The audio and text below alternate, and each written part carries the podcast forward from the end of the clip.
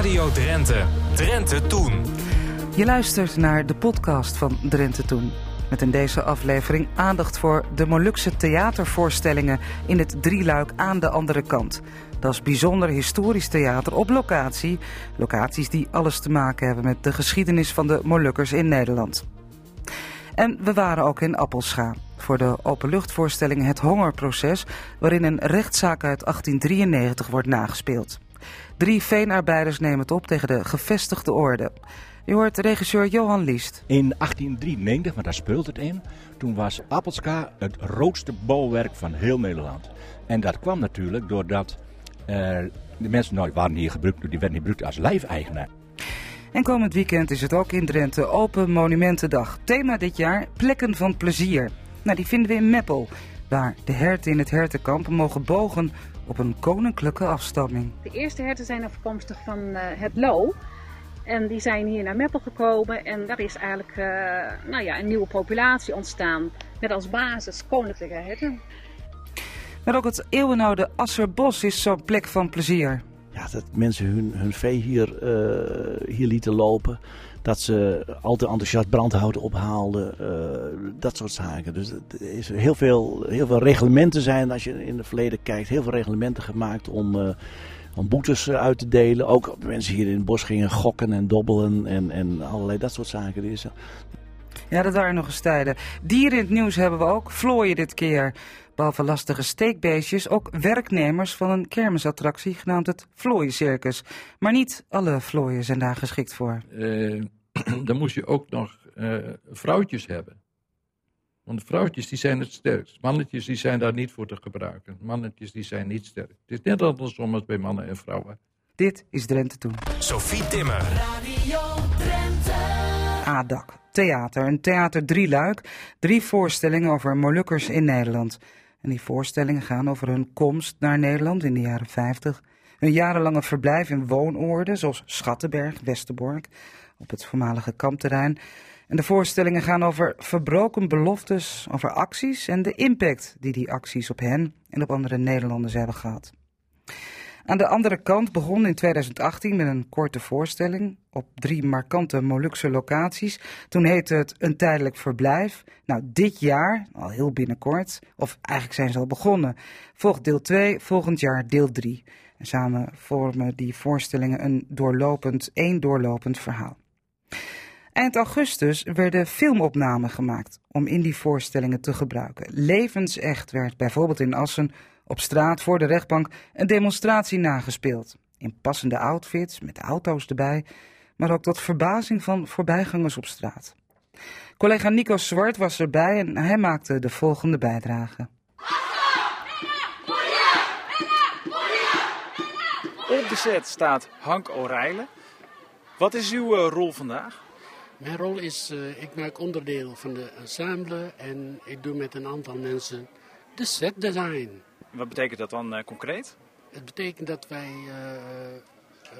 straks de hele opnames zo posteren dat het een beetje authentiek de 70 jaren kan uitbeelden.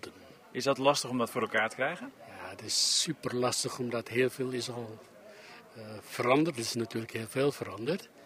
En uh, we hebben nog wel een aantal dingen hebben we, kunnen regelen om in ieder geval nog iets authentieker die jaren uit te beelden. En wat, wat, zoals? Nou, de oude auto's die hier staan. Er staat nog een oude DVM-bus, een oude Hanomag en een Simca en een Mini. En die, waar, waar komen die dan vandaan? Ik geloof dat die auto's uit Dronten komen. Die worden allemaal gehuurd en die komen dan hier naartoe. Maar... Oude brommers zijn er ook nog. Zie je nog een aantal kruidlers en zo. Die komen straks waarschijnlijk ronkend in beeld. Anne Verslageren, producent van het geheel. Ja, is het een beetje makkelijk om de boel hier helemaal uh, weer jaren 70 stijl uh, te laten uitzien? Met hulp van heel veel mensen is dat goed mogelijk, ja. ja. iedereen is gekostumeerd jaren 70. En als je dan een plek opzoekt waar niet al te veel actuele details zitten, dan lukt dat, ja. En is deze straat ervoor geschikt, zo tegenover het gerechtsgebouw? Eigenlijk heel wel, heel goed, ja. Want het gerechtsgebouw is ook een plek waar het daadwerkelijk werd gedemonstreerd. En je hebt hier tegenover het gerechtsgebouw heb je een uh, oude bioscoop. En daar is ook een bekende foto gemaakt van demonstranten in die gevel. Dus dat is eigenlijk heel mooi. En die gevel ziet er nog net zo uit als toen. Dus dat is, dat is een voordeel. Dat is een cadeautje. Het, het wordt hier allemaal gespeeld. De rollen van de demonstrerende Molukkers worden gespeeld door de derde en de vierde generatie Molukkers. We zijn hartstikke blij dat ze aan deel willen nemen. Want op die manier eh, kunnen ze eh, een beetje proeven wat er die jaren allemaal is eh, ja, aan acties en wat, wat er allemaal is gebeurd gewoon. Want verdwijnt dat een beetje in de gemeenschap? Het verdwijnt niet, maar er zijn weinig momenten waarin dit soort dingen tentoon worden gesteld. Ik bedoel, deze project is sowieso uniek omdat het een, een duik in de geschiedenis neemt met eh, een aantal stukken waar eh, nou, die geschiedenis even doorneemt. En op die manier, niet alleen voor de Molukkers, maar ook voor de Nederlandse eh, mensen die daar komen kijken, hartstikke interessant wordt gewoon. Dit, dit speelt zich af in de jaren 70. Wat deed u in die tijd? In die tijd was ik nog scholier. En ja, het was een hele moeilijke tijd, omdat in die tijd wou ik me eigenlijk eh, een plaats verwerven in de maatschappij. En op een gegeven moment eh, zijn er acties gebeurd waardoor je eigenlijk een beetje in het nauw kwam. Omdat de mensen dachten dat ik zomaar eh, een aantal oplossingen uit mijn mouw kon toveren om dingen te veranderen. Maar ja, dat kan niet natuurlijk. Heeft u hier ook gestaan om te demonstreren? Ja, ik heb hier ook gestaan en, om gewoon mijn solidariteit te tonen tegen nou, mensen die zich daarvoor hebben eh, bereid verklaard. En hoe is het dan om dan hier zo terug te zijn in die setting met die jaren 70 spullen en die jaren- jaren 70 kleren en die demonstratieborden? Ja, het is gewoon fantastisch. En ik hoop dat het gewoon straks goed uitkomt en eh, dat het gewoon eh, tot een stukje wat het, ontdekkingsreis wordt in de geschiedenis van de Molukkers hier in Nederland eigenlijk. Dat dit weer aanzet tot, tot meer nadenken? Ja, tot meer nadenken en dat het meer tot begrip komt eh, hoe het allemaal is gekomen dat eh, dit is gebeurd. Want dat, dat snappen we te weinig. Soms dan moeten we elke keer weer alles verklaren en dan denk ik van, misschien ook omdat onze geschiedenis niet direct in de geschiedenisboeken is eh, terug te komen. Zelfs ik als tweede generatie moet ook af en toe eens zeggen van, eh, nee, ik ben niet gekomen, ik ben hier gewoon geboren. En dat is soms wel eens lastig. Dan denk ik van, eh, oké. Maar dat krijg je gewoon. Omdat mensen, vooral de jonge mensen waarmee je werkt, die denken gewoon dat ik hier eh, misschien met de asielzoekers ben gekomen, terwijl ik hier gewoon geboren ben. In Staphorst nog wel. Doet dat pijn? Soms wel. Dan denk ik van, ja, dan zie je hoe onderbelicht onze geschiedenis en ja, dat voel ik wel. Dat kunt u vandaag dus eh, een klein beetje rechtzetten. Ik hoop het wel. Je hoorde Nico Zwart in gesprek met Hank Oranje, die u net hoorde, en daarvoor ook nog Anne van Slageren. adak-theater.nl, dat is de website waar de voorstellingen ook op staan. Buitenspel 2, zoals het stuk nu heet, loopt nog tot en met 28 september en wordt, zoals gezegd, op bijzondere locaties gespeeld. In Drenthe, op het sportterrein eh, van FC Amboina, van 18 tot en met 21 september. En in Hogeveen op Sportpark Bentingspark, van 25 tot en met 28 september. We gaan naar Appelscha, vlak over de grens. Het mooiste stukje Drenthe van Friesland hoorde ik laatst toen ik er was. En ik was op een mooie plek, in het bos waar Openluchttheater De Koele ligt. Daar wordt al wekenlang serieus gerepeteerd voor het hongerproces. Een voorstelling die terugkijkt op een proces dat in het echt in 1893 is gevoerd tegen drie veenarbeiders. Drie mannen die het waagden om in opstand te komen tegen de gevestigde macht. Dat leverde ze twaalf maanden gevangenisstraf op. Het stuk is al een keer eerder opgevoerd in 1946. Het was geschreven door Tinus Veenstra, een man met sterke politieke idealen, voorvechter van het vrije socialisme. Nou, mooi om dat in 2019 nog eens op te voeren, dachten een hoop appelschaasters, waaronder Geert Veen, die je zo meteen hoort. Op zoek naar het toneelstuk dus, maar dat was weg. En het kwam ook niet meer boven water. Lang verhaal kort. Met behulp van onder meer een oud programmaboekje wist journalist Henk Vondeling een compleet nieuw stuk te schrijven. Ik was bij de repetities en sprak daar met regisseur Johan Liest, met Geert Veen en met de man die twee keer in dat stuk meespeelde, Kees van der Veen. En was nog een jongetje in 1946 en in 2019 speelt hij De Bode. Eerst de regisseur, maar eerst even een bekend stukje muziek.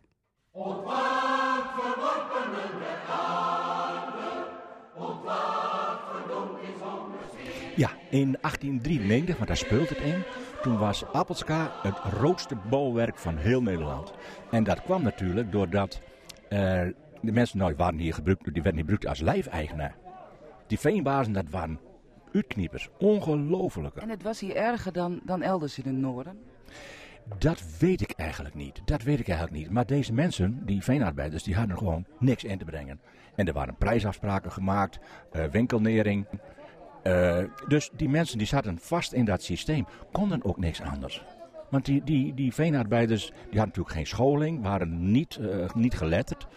Dus die hadden niks. Onderaan op de ladder en verder niks. Kophouden, en Warken. Dan komt er echt meer. En toch sloeg bij die veelal ongeletterde veenarbeiders een politieke boodschap in als een bom. Namelijk die van het socialisme. Ja, want Domina Nieuwenhuis is zoon van een uh, uh, dominee uit, uit, Amsterdam. Die werd op een gegeven moment aangesteld in Haarlem, als zoon, ook als, als dominee. En in, in, nee, niet in Haarlem, in Harlingen. En die ging de Friesland erin, in Opeinde, daar had je ook van die veenarbeiders en zo. En veengebieden. En die kwam ook hier. En die zag op een gegeven moment als dominee, zag hij de, de armoede en de, de misbruik van de mensen en de onderdrukking. En die heeft toen langzamerhand, want het was een man in extremen. Hij was extreem dominee en werd later socialist. Bracht het socialisme hier ook in deze streek. En is later anarchistisch geworden. Maar dan meer als zwart. Of meer als rood, laat ik het zo maar zeggen. Dus heel extreem kon, kon die man uh, denken. En uh, die heeft dus, acht, geloof ik, acht keer, negen keer hier in Hotel Hulst op het hoekje. Dat kennen de meeste mensen, maar er staat een hele grote schuur achter. En daar heeft hij naar de veenarbeiders spreuken van... jongens, dit kan zo niet, dit moet anders. En dat is dus het begin west van dat rode bolwerk in Zuidoost-Friesland. Dat is nog steeds wel een beetje zo, toch? Jawel, jawel, jawel, jawel, jawel. Dat denk ik wel. Ja, de, veel mensen die ik spreek, die, dat zijn kinderen uit, uit rode nesten, zeg maar. Ja, maar als je dan het stemgedrag ziet, dan denk ik van, in zo'n gemeente, dan denk ik, nee, nee, nee, we hebben het er goed, hè? Zeg, dat stuk, um, dat stuk gaat over, uh, over het lot van drie veenarbeiders. Ja, klopt. Zij, binnen, uh, zij waren degene die afstonden. En er is een veldwachter in dit stuk. En dat is een vervelende kerel. En die, die, die speelt alles deur naar de gemeente, naar de burgemeester en naar de marechaussee. En zij worden derhalve dan ook oppakt. Omdat zij het woord verkondigen van en dit moet anders en we zullen het beter krijgen. Zij moesten naar bij de burgemeester komen, maar ze ontzettend blieden met. En worden daar, als ze hun naam noemden, werden ze oppakt. En ze werden naar Heer de Veen toegebracht door de marechaussee in Peerderwegen. En dat was het. 15 maanden, of 15, ja, 15 maanden in eerste instantie, het, uh, het oordeel van de rechter. Want men werd niet geacht om het socialistische woord hier in de, de mond te nemen, want de gevestigde orde moest dat wel een beetje goed vinden. En die rechters ook, zeer arrogant. Het leuke is, ik merk de, de rechtbank van zuiver gold. Dat het een bolwerk is waar die rechters achter staan, zuiver gold. Uh, het is allemaal echt gebeurd. Wat zeg je? Het is allemaal echt gebeurd. Het is allemaal echt gebeurd, ja. En Tinus Veenstra, de man is 102 geworden. Een van de, de schrijver dus van het eerste stuk. Ook anarchist. Die, uh, die was uh, ook zo extreem in dingen. Uh, hij bijvoorbeeld dronk geen alcohol. Maar ik heb laatst met een nichtje van hem gesproken. En die zei van, als oom Tinus kwam, dan mocht bij ons de, de, de borrel niet op de tafel. dus heel extreem. Ja. ja, er hoort ook hele leefstijl bij, hè? Dat is ook zo. En die man, die waren natuurlijk, daardoor kon het ook, omdat zij extreem dachten. En dat ook, daar stonden ze ook voor. Dat zei regisseur Johan Liest. Geert Veen, het historisch geweten van Appelscha en omgeving, is samen met anderen nauw betrokken geweest bij de totstandkoming van het hongerproces anno 2019. En ook hem sprak ik. Ja, het is een heel oud stuk. Het is uh, geschreven door, door Tinus Veenstra. Dat was een, een, een echte aanhanger van het anarchisme. En die heeft een stuk geschreven zo rond de oorlog. En hij is opgevoerd in 1946. En, want hij had wel het proces verbaal. Wat, wat dus bij Tresor een deel was. Ja, want het stuk gaat over een rechtszaak, Het hè? gaat over een rechtszaak, ja. Dat er dus drie arbeiders veroordeeld zijn. Omdat ze dus de, de, de de, de, ik denk hoor, de, de, ja, Van Rozen. De- niet de veenplaats, maar de armenvolk. Die, die hebben ze bedreigd, zeg maar, want ze wilden brood hebben. Ze kregen niks anders dan aardappels. Elke dag aardappels, aardappels. En ze wilden ook een keer brood hebben. En, eh, en daardoor is eigenlijk die opstand ontstaan. Met die, met die, Ja, en het stuk heet het hongerproces. ja. ja, die mensen die, eh, die, die, die gaven dat ze honger hadden. Hadden ki- eh, kinderen te voeden en hele gezinnen. En alleen maar aardappels. S'morgens aardappels, smiddags aardappels, s'avonds aardappels. En ze wilden ook wel een keer brood. Dat zei Geert Veen. Kees van der Veen ten slotte. Als 13-jarige speelde hij al in het stuk mee. En nu weer. Wel in een andere rol. U speelde in dit stuk in 1946. Ja, Oud was u toen? 13. Ze hebben er 14 van gemaakt, van 13 zo'n raar getal. En, en wat speelde u? Ja, u was jongetje, maar wat, wat behelste die rol? Nou, een jongetje zijn. En om eten te vragen. Het was honger. Er moest brood in. Dat hoor je straks ook wel. Dus dat draaide alles om. Om aan te tonen dat de heer meester Zwaar, de baas van het veen, die alles regelde van een winkeldering. Het loon was iedereen 74 cent van heel de hard werken. Het was echt slavernij. Zeg, en wat had u daar thuis van meegekregen? Waren uw ouders bijvoorbeeld eh, socialisten? Ja, zeker. Absoluut. Ja, en daar neem je een stukje van mee, hè. Want toen het interview met de Leeuwarden Krant zei ik ook... Dat stuk heeft mij voor het verder leven... Of gewoon bestemd een beetje raar... Maar het heeft me wel gevormd. Ja, en, en niemand zou... Nou ja, u had natuurlijk nooit kunnen denken, dan sta ik in 2019 nog een keer op de plank. Nee, tuurlijk niet. Ik heb al die papieren die er waren, heb ik nog bewaard. Die heeft Geert Veen nog van me gekregen. Ik kon er een stap wat verder mee. Ja, maar dat was ook een dingetje, het stuk was kwijt. Ja, is nog, is nog kwijt. Het stuk is nog kwijt. Ja. Dat heeft eh Vondeling junior herschreven. En zo goed mogelijk als hij het kon vatten. Het is allemaal anders. Maar wat speelt u nu? Ik ben naar de bode. Dat is een hele grote rol, twee zinnen. Wat moet u zeggen? En ik word geridderd. dat we zijn, ik krijg een klap op de schouder van een dode dominee. Oh, oh nou, dat, eh, dat roept meer vragen op dan het beantwoord. Maar eh, wat is uw tekst? De tekst is, ik moet drie veenarbeiders verwijzen naar de burgemeester. Nou, dat doe ik dus. En ik kom bij de burgemeester te denken, we zullen een gesprek hebben. Maar ze willen gelijk de gevangenis mee. Een heel andere koek. Toi, toi, toi. ja, zeker. Nou, en laatst, als dan de rechtbank er is, dan roep ik dat de rechtbank er is, dat het persoon begint. En dan moet ik eens voor bestemmen dat de mensen allemaal gaan staan. Hier in de zaal, zeg Ja, ja. En ze zijn in ieder geval twee avonden uitverkocht. Dus de buigen het meer dan die tien die er nou in zitten. Wordt vast een geweldige voorstelling, dank u wel. Het was steeds beter. Ja hoor. Zo in de appelscha. hè? Het hongerproces wordt 13, 14 en 15 september aanstaande opgevoerd in Openluchttheater De Koele aan de Bosberg in Appelscha. Het was uitverkocht, zeiden ze, maar er zouden extra kaarten komen, dus ik zou het gewoon proberen. We gaan terug in de tijd en de hele wereld over met Aldert Oosterhuis. Old Nijs. Old Nijs is vaak prachtig om te lezen, vooral als het al helder en posileren is. En zo liggen hier voor mij de provinciale Drijnse en Azerkraan van 15 januari 1853. En ook toen al was er geregeld sprake van Nijs uit het buitenland. Er is misschien geen stad ter wereld, zo begint het artikel, van enige naam die zulk een gemengde bevolking bevat als New York. Natieën en tongen van alle gedeelten der wereld zijn daar en de openbare wandelingen of gebouwen bieden een volkomen babel in taal aan. Op een wandeling van vijf minuten ontmoet men christenen, joden, Turken en heidenen, gevangenen en vrijen van alle kleur en geloof. Ja, best bijzonder in 1853. Oh, en deze dan uit San Francisco. In het begin van november jongstleden hebben de Chinezen te San Francisco een tempel van hun afgod ingewijd. Op de oostelijke spits wapperde de karmozijnrode vlag van China. Omstreeks negen uren des ochtends begon de plechtigheid met het afsteken van een groot vuurwerk. Twee afzichtelijke afgodsbeelden werden voor de ingang des tempels geplaatst, waarna alle Chinezen in plechtige optocht onder wild en woest schieten hun intreden in het gebouw hielden, hetwelk een vierkants binnenplein vormt, aan welks beide zijden de woningen der priesters zijn gelegen.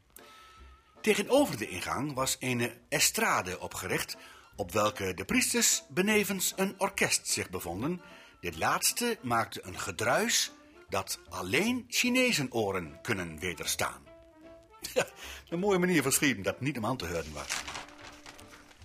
Ach, en deze uit het Duitse Bonn.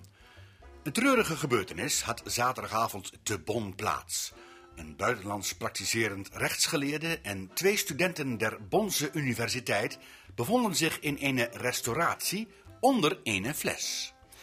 In de grote opgewondenheid kwam bij hen het buitensporige denkbeeld op in de Rijn te springen en gingen zij ook dadelijk tot de uitvoering van deze dollenstreek over.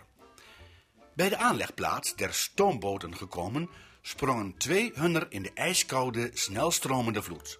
De derde bleef terug. Beiden goede zwemmers schijnen zij echter door het kille water, de donkere nacht en de vreemdsoortige toestand verward te zijn geraakt en riepen om hulp. Een schipper en nog een ander die zich in de nabijheid bevonden, eilden toe, doch waren buiten staat de advocaat te redden. De tweede werd aan de wal gebracht.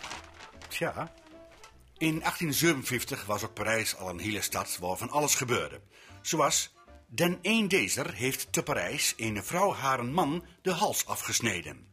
De moordenares bood bij haar inhechtenisneming zulk een krachtige weerstand dat de gendarmes genoodzaakt waren haar aan den zadelknop van het paard van een hunner te binden en op deze te Parijs zeer vreemde wijze werd de vrouw door de straten dier stad naar de politieprefectuur gevoerd.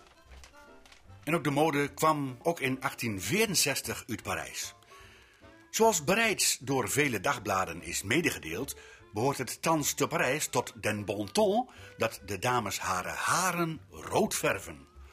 Deze manier is thans door een nieuwe, nog vreemdsoortigere mode opgevolgd en wel dat de schoothondjes der dames thans in allerlei kleuren geverfd worden, zoals de natuur ze nog nooit onder de honden heeft opgeleverd. Men ziet thans grasgroene honden, zwavelgele honden, hemelsblauwe honden, vuurrode honden enzovoorts. 1864. Old Nice. Gelukkig maar.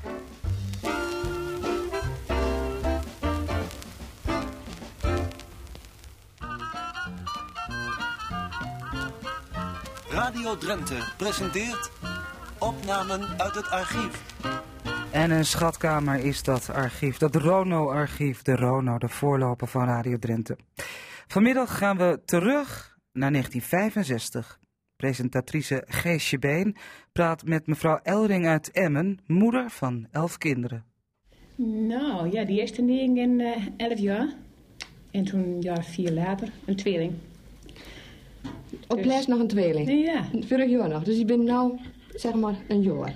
Anderhalf. Anderhalf jaar. Nou, ik geloof als je toch elf kinderen hebt, dat je dan wel een heel speciaal dagprogramma moet hebben. Want dat liep mij altijd tijd te kort. Is dat zo? Ah, valt nog met je. Ja, hoe heb je nou de dag indeeld? Nou, het is nu natuurlijk, uh, het is winter, dus niet, zoveel, niet zo vroeg terug. 7 uur, tafel klaarmaken, eerste gaslus eruit, tafel klaarmaken, thee zijn, boterham snijden voor de hele dag. Nou, alles klaar, dan ga je naar boom. Kinderen allemaal uit bedje hangen, stuk voor stuk, mijn man gaat terug. En uh, nou, allemaal klaar zijn, ik begin ondertussen dan met de bedden, allemaal afdekken. Eten jullie wel allemaal tegelijk aan tafel? Nee, ik zelf niet. De kinderen wel meest. Ja? Die gaan naar beneden en ik doe de boom, ik doe de bedden verder. Uh, de kinderen namen klaar, gaan naar beneden. Een van de kinderen blijven vaak bij me, maar die wil graag me helpen met de tweeling. Dan zeg ik nou, kleed ze eruit. Ondertussen heb ik het bad klaar. Uh, de tweede komt erin. Kinderen kleden ze weer aan. Ik doe ondertussen gauw de vullen wasser in het water. Ze liepen ze mee naar beneden. Ondertussen heb een van de andere kinderen de papa klaar. En uh, ondertussen ben ik, boor me zo ver. Nou ja, de slaapkamers, zonder een grote beurt, heb ik klaar. Hoe laat is het dan? Nou, acht uur, kwart over acht. Oh, dus is er al een hele dag achter de rug. Als. Dan ben ik boven helemaal klaar. Ja, De trap, de gang, alles. Ja. Klaar. Dat wil natuurlijk niet zeggen dat er niks meer te doen is. Want er bent in een huishouding uit 101 dingen te doen. Hoeveel stoep ben je dan per dag nodig? Nou, daar val je vast een achterover. Want Ja? dat, is vast niet, dat vind je vast niet veel.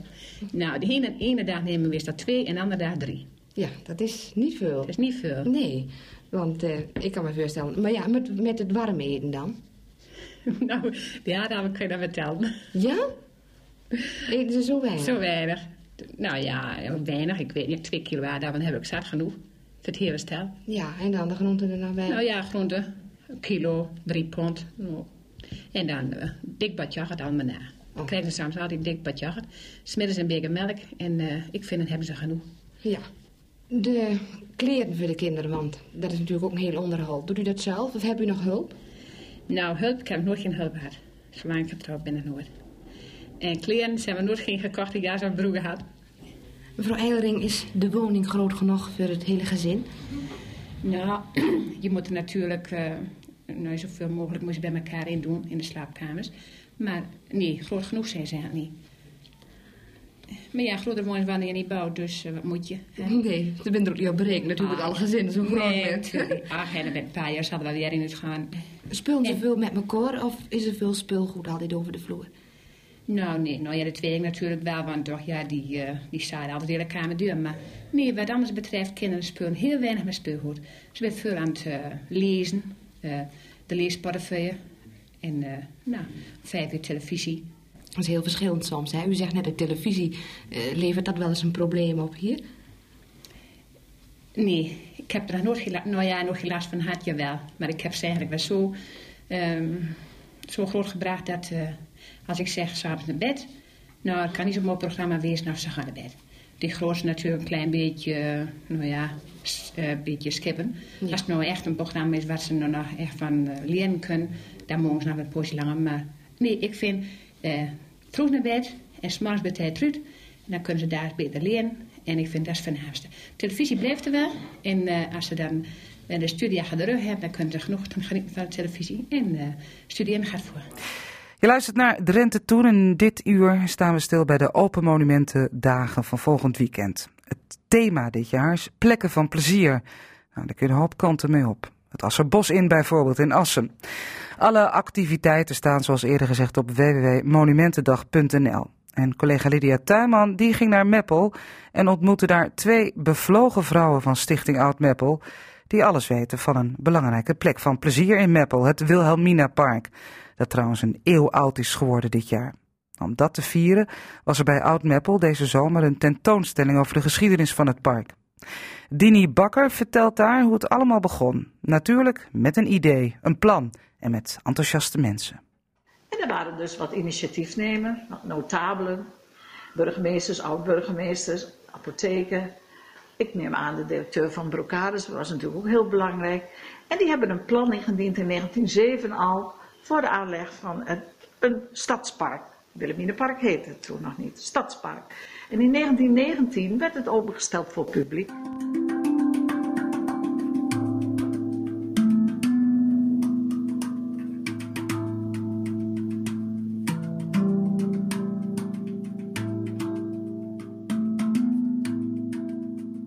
We lopen eh, over het eh, pad, zoals het hoort, door een prachtig park. Mijn eerste keer. En ik loop naast, mag ik je naam? Ja hoor, je mag mijn naam. Ada van Ginkel. Ik ben een van de stadsgidsen ook van Stichting Oud Meppel. En eh, Ada, jij eh, bent iemand die eh, dit park eigenlijk goed kent, hè? Ja, dat zou je haast denken, hè? want ik ben hier toen ik in Meppel kwam wonen, 35 jaar geleden, in de gelukkige omstandigheden was ik dat ik aan het park mocht komen wonen. Ja, dan En ben je zeg- bofkont hoor. Ja, precies. En dat had ik toen de tijd niet in de gaten, maar in de loop der jaren heb ik dat eh, steeds meer ben ik dat weten te waarderen. En eh, ik hou echt van eh, mijn voortuin als het ware. Nou, dat is geen kleintje. We lopen, we lopen naar een, een vijver toe. Een vijver met die hele grote fontein erin. Dat is in deze, op deze warme dag een heel, heel welkom iets, hè? Ja, dat geeft een hoop verkoeling. En weet je, er staan hier natuurlijk prachtig al eeuwenoude bomen. Hè, want park staat nu 100 jaar. En eh, er zijn echt hele oude bomen die verkoeling geven. En het was natuurlijk de bedoeling, zoals je gehoord hebt uh, vanaf de tentoonstelling, dat mensen hier, de Meppelers hier gingen wandelen. Maar hoofdzakelijk de notabelen gingen hier wandelen. En de andere mensen die hadden eigenlijk, uh, nou ja, die hadden het zo druk met door de week werken. En de arbeiders, dat ze hier af en toe maar kwamen wandelen.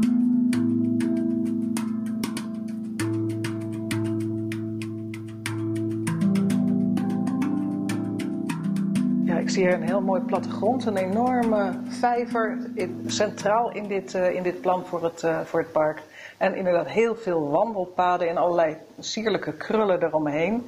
Is het ook zo uitgevoerd zoals het er hier uitziet? Nee, dat is niet gebeurd. Uh, die plannen zijn dus ja, tig keer uh, weer verworpen en moest veranderd worden. Het was ook allemaal veel te veel. Het was te duur. De vijver was veel te groot.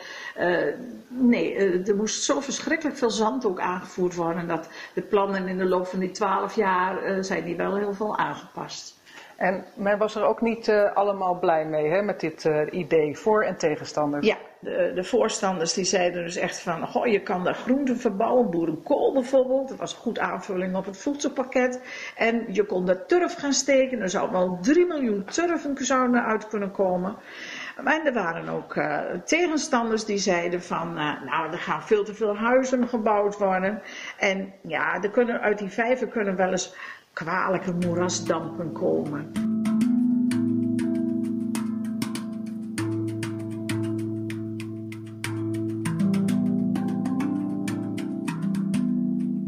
We kunnen misschien uh, een beetje naar rechts lopen. Ja. Dan zie je daar de entree van het Rosarium. En het Rosarium dat is uh, aangelegd in 1929, dus het Park Waterlandheidje. En uh, toen was er een landbouwtentoonstelling in, uh, in Meppel. En toen hebben ze dat gebied hebben ze gebruikt om een uh, rosarium aan te leggen. En te laten zien wat men allemaal kon kweken op het gebied van de rozen. Er staan heel veel verschillende soorten. En het wordt nog steeds prachtig onderhouden. En tevens is er nu echt een, ja, een mooi apart deel van het Wilhelminapark geworden. Waar mensen denk ik toch soms nog voorbij gaan dat is zo mooi. Dus je moet echt door het poortje heen lopen. En dan kun je de geuren en de kleuren van de rozen daarvan genieten. Dus ook een uh, plek van plezier, denk ik.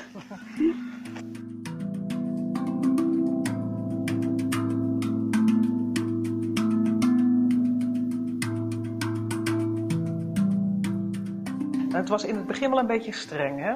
Ja, overal stonden bordjes dat je niet buiten de paden mocht komen. Je mocht alleen op de gebaande paden blijven. En er, waren er was wel een muziektent, dus er werden wel concerten gegeven. Er was ook een hertenkamp direct al.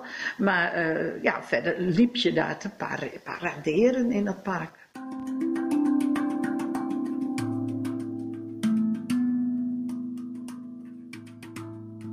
Nou staan we hier eigenlijk uh, bij de ingang van het park. Er is nog een heel stuk uh, wandeling over. Uh, wat is dat daar, dat, dat, dat, veldje in de verte? Ja, in de verte zie je het hertenkamp. Maar over die herten, die zijn er pas vanaf 19, ik dacht 1929. Die zijn ooit cadeau gedaan aan Meppel door prins Hendrik. En die zijn afkomstig, de eerste herten zijn afkomstig van het Loo. En die zijn hier naar Meppel gekomen en daar is eigenlijk uh, nou ja, een nieuwe populatie ontstaan. Met als basis koninklijke herten. In de beginperiode werd er ook nog een, uh, een opzichter op aangesteld. Die vanuit het loo kwam om te kijken of het wel goed ging met de herten. Dus die zorgde voor het wel en wee. En uh, tot op de dag van vandaag kunnen wij zeggen dat er nog steeds herten lopen. En ik denk ook herten die afkomstig zijn van ja, het nageslacht van de herten van het Loo. Dus dat is een mooie anekdote om te vertellen, niet dan? Ja, heel bijzonder.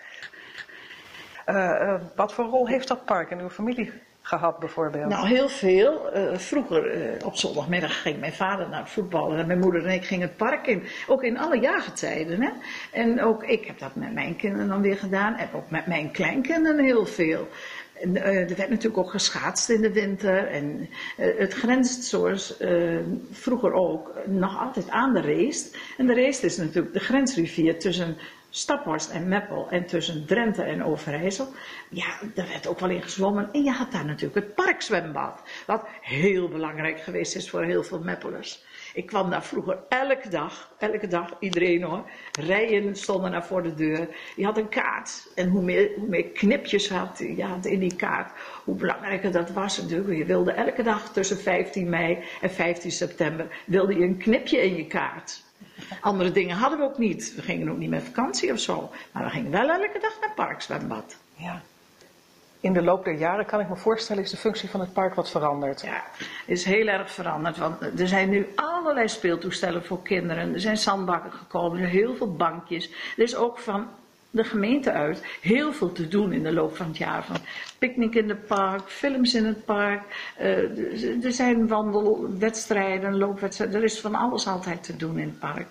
Ja, dus het is eigenlijk van een, uh, wat, wat, van een somber moeras is het veranderd in een langzamerhand... Nou, kan je wel zeggen, een plek van plezier.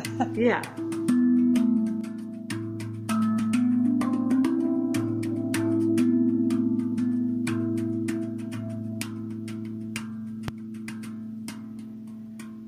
Ja, zo ging dat. Van een somber moeras naar een plek van plezier, het Wilhelmina Park in Meppel.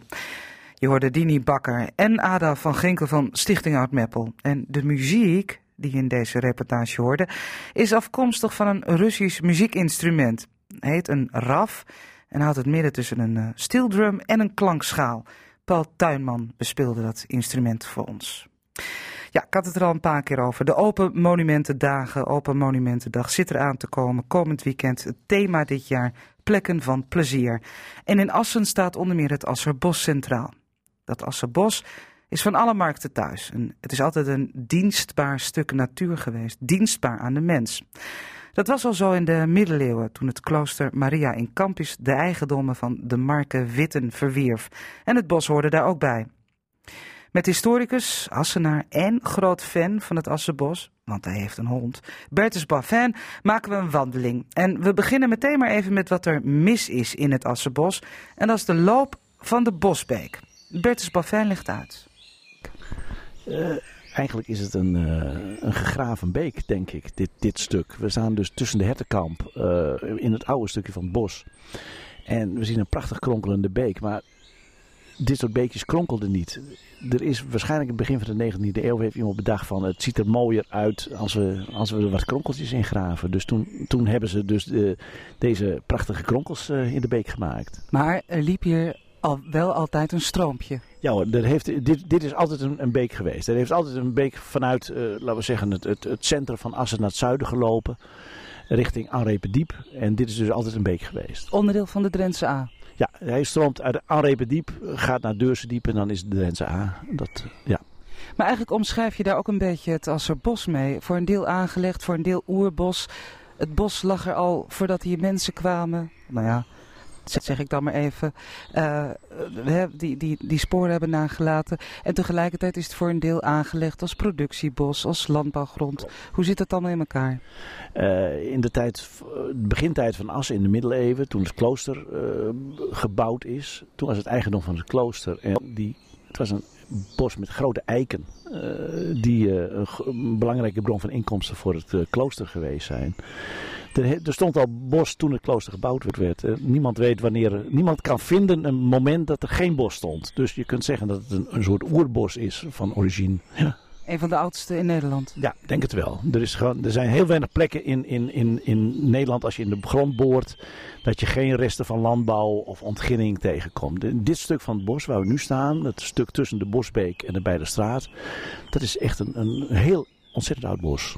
De nonnen hadden het nodig. Die kwamen hier in, nou, pak een bij, 13e eeuw om geld te verdienen met dat bos.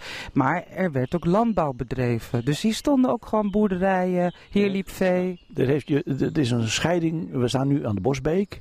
Ten westen van de Bosbeek. Dat, dat is helemaal ontgonnen geweest. In de, in, de, in de 18e eeuw was het ontgonnen stonden een aantal boerderijen. Het was toen eigendom van de provincie Drenthe, de landschap Drenthe heette dat.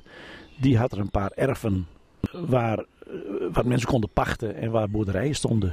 En je kunt die plekken eigenlijk nog, als je goed kijkt, als je weet hoe het, hoe het in elkaar zit, dan kun je die plekken nog terugvinden. Er zijn drie, stonden drie erven waren hier. Alleen, het ging daar heel slecht mee, met die erven.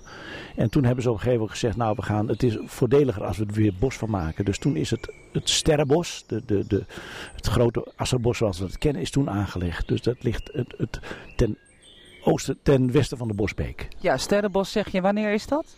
Uh, 1780 ongeveer. We gaan een beetje die kant op.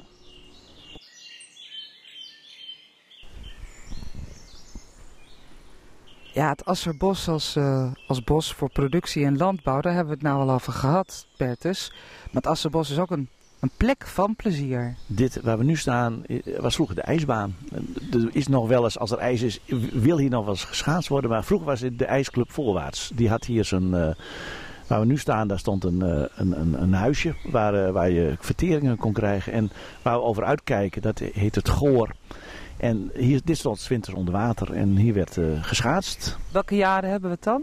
Nou, tot, tot, tot de opening van de kunstijsbaan uh, is hier, uh, dus tot eind jaren 60 werd hier uh, geschaatst. En ook, ook niet zomaar de eerste de beste, hè? Er waren hier echt wedstrijden. En... Er, zijn nog, er is hier zelfs nog een keer een Nederlands kampioenschap geweest. ik, begin jaren 60 een keer. Dat was wel het mislukte kampioenschap, want toen halverwege de, de toernooi ging het dooien. Maar die werden dus echt de, de, de belangrijke wedstrijden gespeeld. Het, het bijzondere van deze plek is, het is altijd, hier is nooit, heeft nooit bos gestaan. Dit was een, het Goor, dat is een lage plek. En je moet je dit voorstellen als het, het weiland aan de rand van het, uh, van het, uh, van het diepje, van, het, uh, van de bosbeek. Dus hier, dit is altijd particulier eigendom. Hier stonden koeien, hier werd gehooid. En dit was de rand van het, van het Asserbos. En voor de mensen die het Asserbos een beetje kennen, we zijn nu ook vlakbij het clubgebouw van de padvinderij. Maar het staat er ook al heel lang, maar nog niet zo heel erg lang hè? Nee, ik weet geen idee hoe lang het hier staat. Ik denk in de jaren 50 dat die gekomen is, zoiets. Dat, uh, ja. Nee, de, de, de, ijsclub is veel ouder. Dus begin, begin 20e eeuw is hier, is, is hier echt een ijsbaan aangelegd. En zijn de mensen hier gaan, uh, hier gaan schaatsen winters. Wanneer komt men in Assen tot het inzicht dat het bos uh, meer is dan alleen productie, landbouw, iets om geld mee te verdienen, maar dat het ook een plek is waar de Assenaren nou ja, voor hun plezier uh, tijd kunnen doorbrengen? Ik denk dat het al in het begin van de 19e eeuw geweest is. Je hebt, uh, toen is in, in rond 1830 is, de, is er een vijver gegraven, de oude vijver. Uh, aan de, vlakbij, vlakbij de Beide Straat. In dezelfde tijd is die Bosbeek, waar we het net over hadden, is, uh, is toen, heeft ze kronkeltjes gekregen. Vanaf 1830, later kwam er een hertenkamp in het bos. Later kwam er een tennisbaan. Er is een nieuwe vijver gegraven eind 19e eeuw. Er is zelfs een dierentuin geweest, korte tijd. In die tijd was uh, dus, er is later een openluchttheater gekomen. Dus er zijn heel veel dingen, plekken van plezier in het bos gecreëerd op een gegeven ogenblik. Dat is allemaal, allemaal 19e eeuw in principe.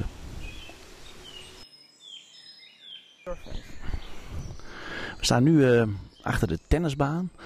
In een, uh, in een stuk bos, een oud stuk bos, eind 18e eeuw, toen het weer opnieuw aangelegd. Hier stond dus een boerderij waar we nu staan. Dit was een boerenerf, uh, de Harkenhofstede. En je kunt zien dat het, als je om je heen kijkt, dit stukje terrein onderscheidt zich van de, de, de omgeving een beetje. Je ziet hier hele grote, hele zware beuken staan, zware eiken. En je kunt ook zien dat de beuken, die hebben de overmacht, want er groeit niks op de grond. Het is allemaal het is allemaal kaal. Want beuken houden alle zonlicht tegen. Uh, en uiteindelijk sneuvelen de eiken. Als je, kijkt naar de, als je beuken en eiken met elkaar vergelijkt, zie je dat de beuken allemaal goed voorstaan. En de eiken, er staan heel veel dode, dode eiken tussen. Dus de beuken winnen hier in het bos. Het speelt zich op allerlei niveaus uh, van alles af in het ja, Asserbos. Inderdaad, inderdaad, dat kun je zeggen, ja. ja. Vandaag de dag wordt er niet meer geboord, ja, op de kinderboerderij, hè, voor zover je dat boeren kunt noemen. Um, maar het is altijd een strijd, strijd, er is altijd wel spanning geweest tussen mens en natuur. En Assenaren met vee bijvoorbeeld deden ook wel eens dingen die niet mochten.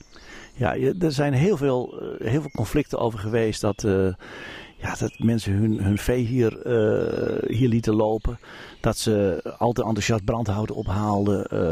Dat soort zaken. Dus er is heel veel, heel veel reglementen zijn, als je in het verleden kijkt, heel veel reglementen gemaakt om om boetes uit te delen. Ook mensen hier in het bos gingen gokken en dobbelen en, en allerlei dat soort zaken. Er is, is nog een, een, een reglement dat van de kansel voorgelezen gelezen werd in 1789. Uh, uh, wat, wat je allemaal te wachten stond aan boetes als je allemaal overging tot dat soort uh, bo bo boosaardige zaken in het bos. En dat de agent erop moest letten dat het niet gebeurde. Vandaag de dag heb je nog een soort van vrijerslaantje die je vroeger ook had. Verder veel mensen die hun hond uitlaten. Maar echt kwade zaken? Nee, volgens mij niet. Kwade zaken zijn er niet. De, en je vergeet ook de mensen die hier hard lopen. En, uh, en dat, die lopen hier ook in grote getalen hard. Het is, een, ja, het hoort echt, het is echt een stukje, een stukje natuur van de Assenaren. Uh. En de geschiedenis ligt uh, voor je voeten. Want bijvoorbeeld ook aan de namen van laantjes, weggetjes... kun je zien wat er vroeger gebeurde. Uh, touwslagerij had je, matklopperij of een kledenklopperij. Da daar zien we overigens geen bordje van, maar wat was dat? Nou, er, er, was een, er was een firma die ging als de grote schoonmaaktijd was, gingen ze met een, met een kar, haalden ze bij de, uh, huizen, bij de rijke huizen, haalden ze de grote vloerkleden op. Die werden in de kar geladen, die kwamen hier, werden hier over dingen heen gehangen en dan gingen ze, gingen ze het kleden kloppen. En dan gingen ze en kijken of er dunne plekken in zaten die gerepareerd moesten worden. En dan ging je weer terug. En touwslaan? Touwslaan, dat was een hele lange rechte laan. En je hebt daar een heel, heel veel ruimte voor nodig. En, en dan draai je touwen in elkaar, als het ware. De, en het is, de, de touwslagerslaan herinnert eraan. Het is geen geweldig succesvolle onderneming geweest, heeft maar kort bestaan. Maar er was echt een touwslagerij. Bovenal is het ook het favoriete bos van Bertus Baffin. Uh, oh, zeker, ja. Ik kom er elke morgen met de hond. Zaterdag 14, 14 september, dan speelt de Open Monumentendag zich, zoals gezegd, dus in Assen voor een groot deel in het Asserbos af. Bertus Baffin is present om rondleidingen te geven, maar er gebeurt meer in Assen en de rest van Drenthe. En daarvoor kunt u kijken op de website www.openmonumentendag.nl. Tegenwoordig bestaat het niet meer, het Theater, maar vroeger had elke zichzelf respecterende kermis een dergelijke attractie.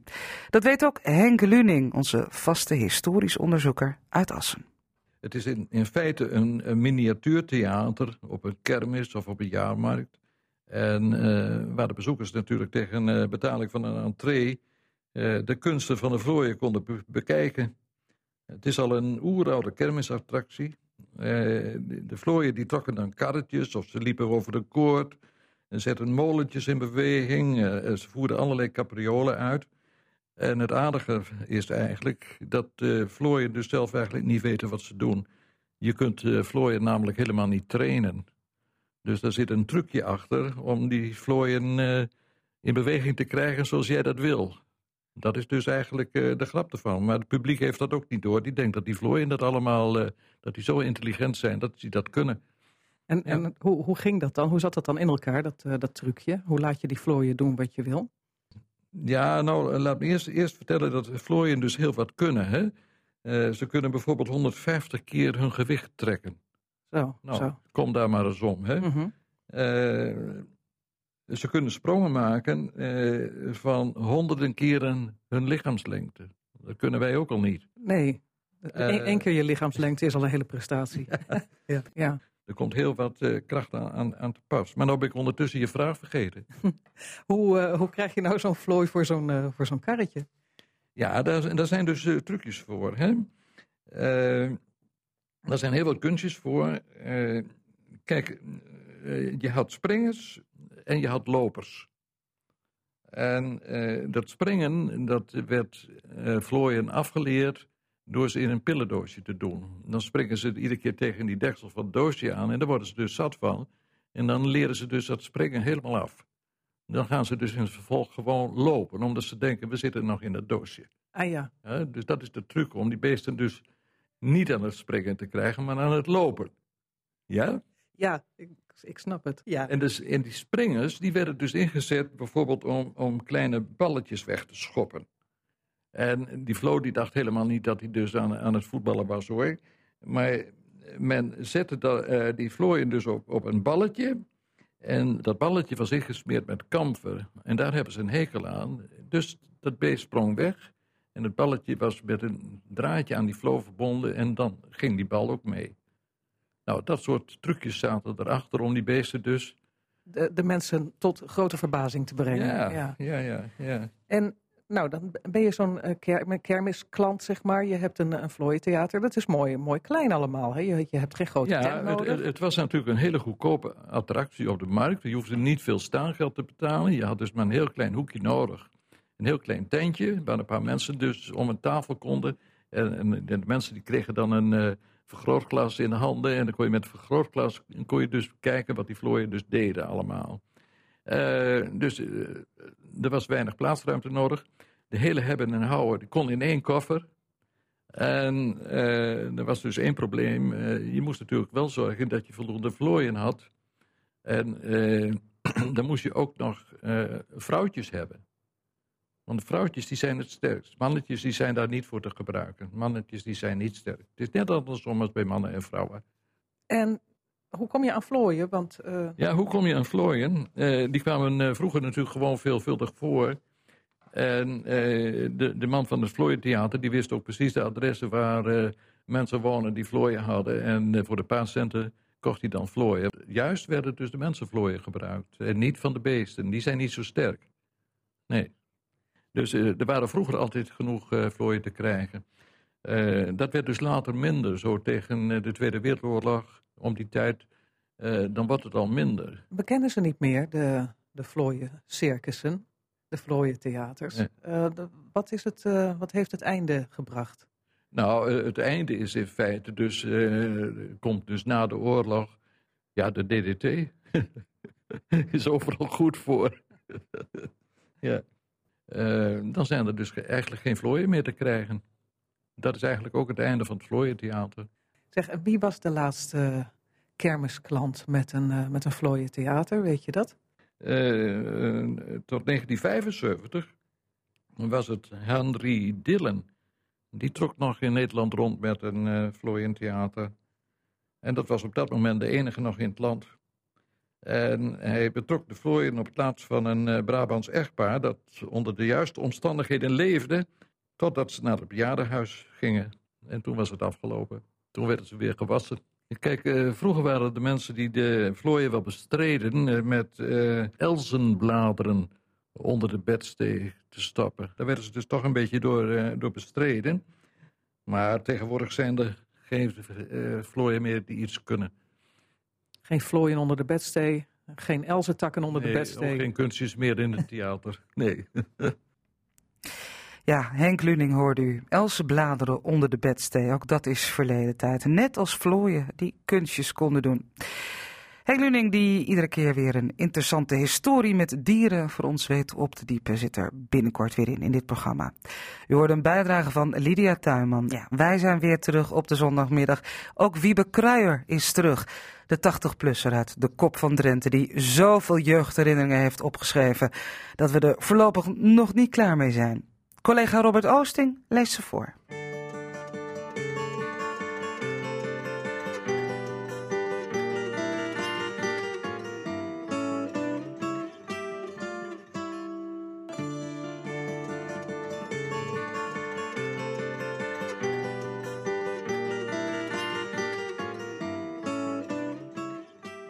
Het is zelfs in de oorlogstijd goed om op de ontwikkelingen in te spelen. Zo voorzag mijn broer Willem een grote vraag naar vlees en hij meende met het vakken van konijnen daar wel handig op in te kunnen spelen.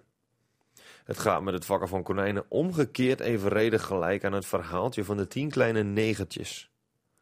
Het begon uiteraard met enkele dieren, maar hoewel er ook regelmatig dieren werden geslacht, groeide het aantal konijnen gestaag. Ik schat dat hij uiteindelijk wel 20 of 30 en mogelijk nog wel meer dieren had. En het werd steeds moeilijker om aan voldoende groenvoer te komen. De wegbermen rechts en links van ons huis werden dagelijks afgezocht op zoek naar geschikt konijnenvoer. Het groenvoer voor konijnen mag beslist niet nat zijn, want dat vertaalt zich onmiddellijk in dode dieren.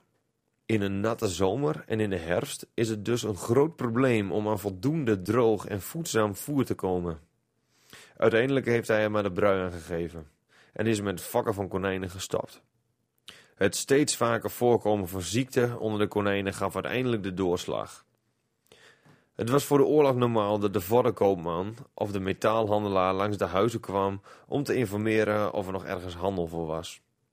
Luidkeels schreeuwde zo'n man dan: Vodden, wie heeft er nog vodden? Zo waren er ook opkopers voor hazen en konijnenvellen. Ook zij gingen per fiets de huizen langs met de oproep: Wie heeft nog hazen of konijnenvellen? Vooral direct na de kerstdagen probeerde de huidkoopman zijn slag te slaan. Bij ons was er voor hem geen handel. Willem had een methode gevonden om zelf konijnenhuiden te prepareren en tot konijnenbondjes te verwerken. Het was een vieze klus, maar na het afschrapen van de huid en de behandeling met zout, aluin en krijtwit kreeg hij uiteindelijk goed konijnenbond. Daar bestond in die tijd wel veel belangstelling voor en hij verdiende er een aardig zakcentje aan. Je luisterde naar de podcast van Drenthe Toen. Dankjewel. Vond je het leuk? Laat dan een sterretje achter. En luister ook eens naar onze andere podcasts, die van Casata of de Sportcast bijvoorbeeld.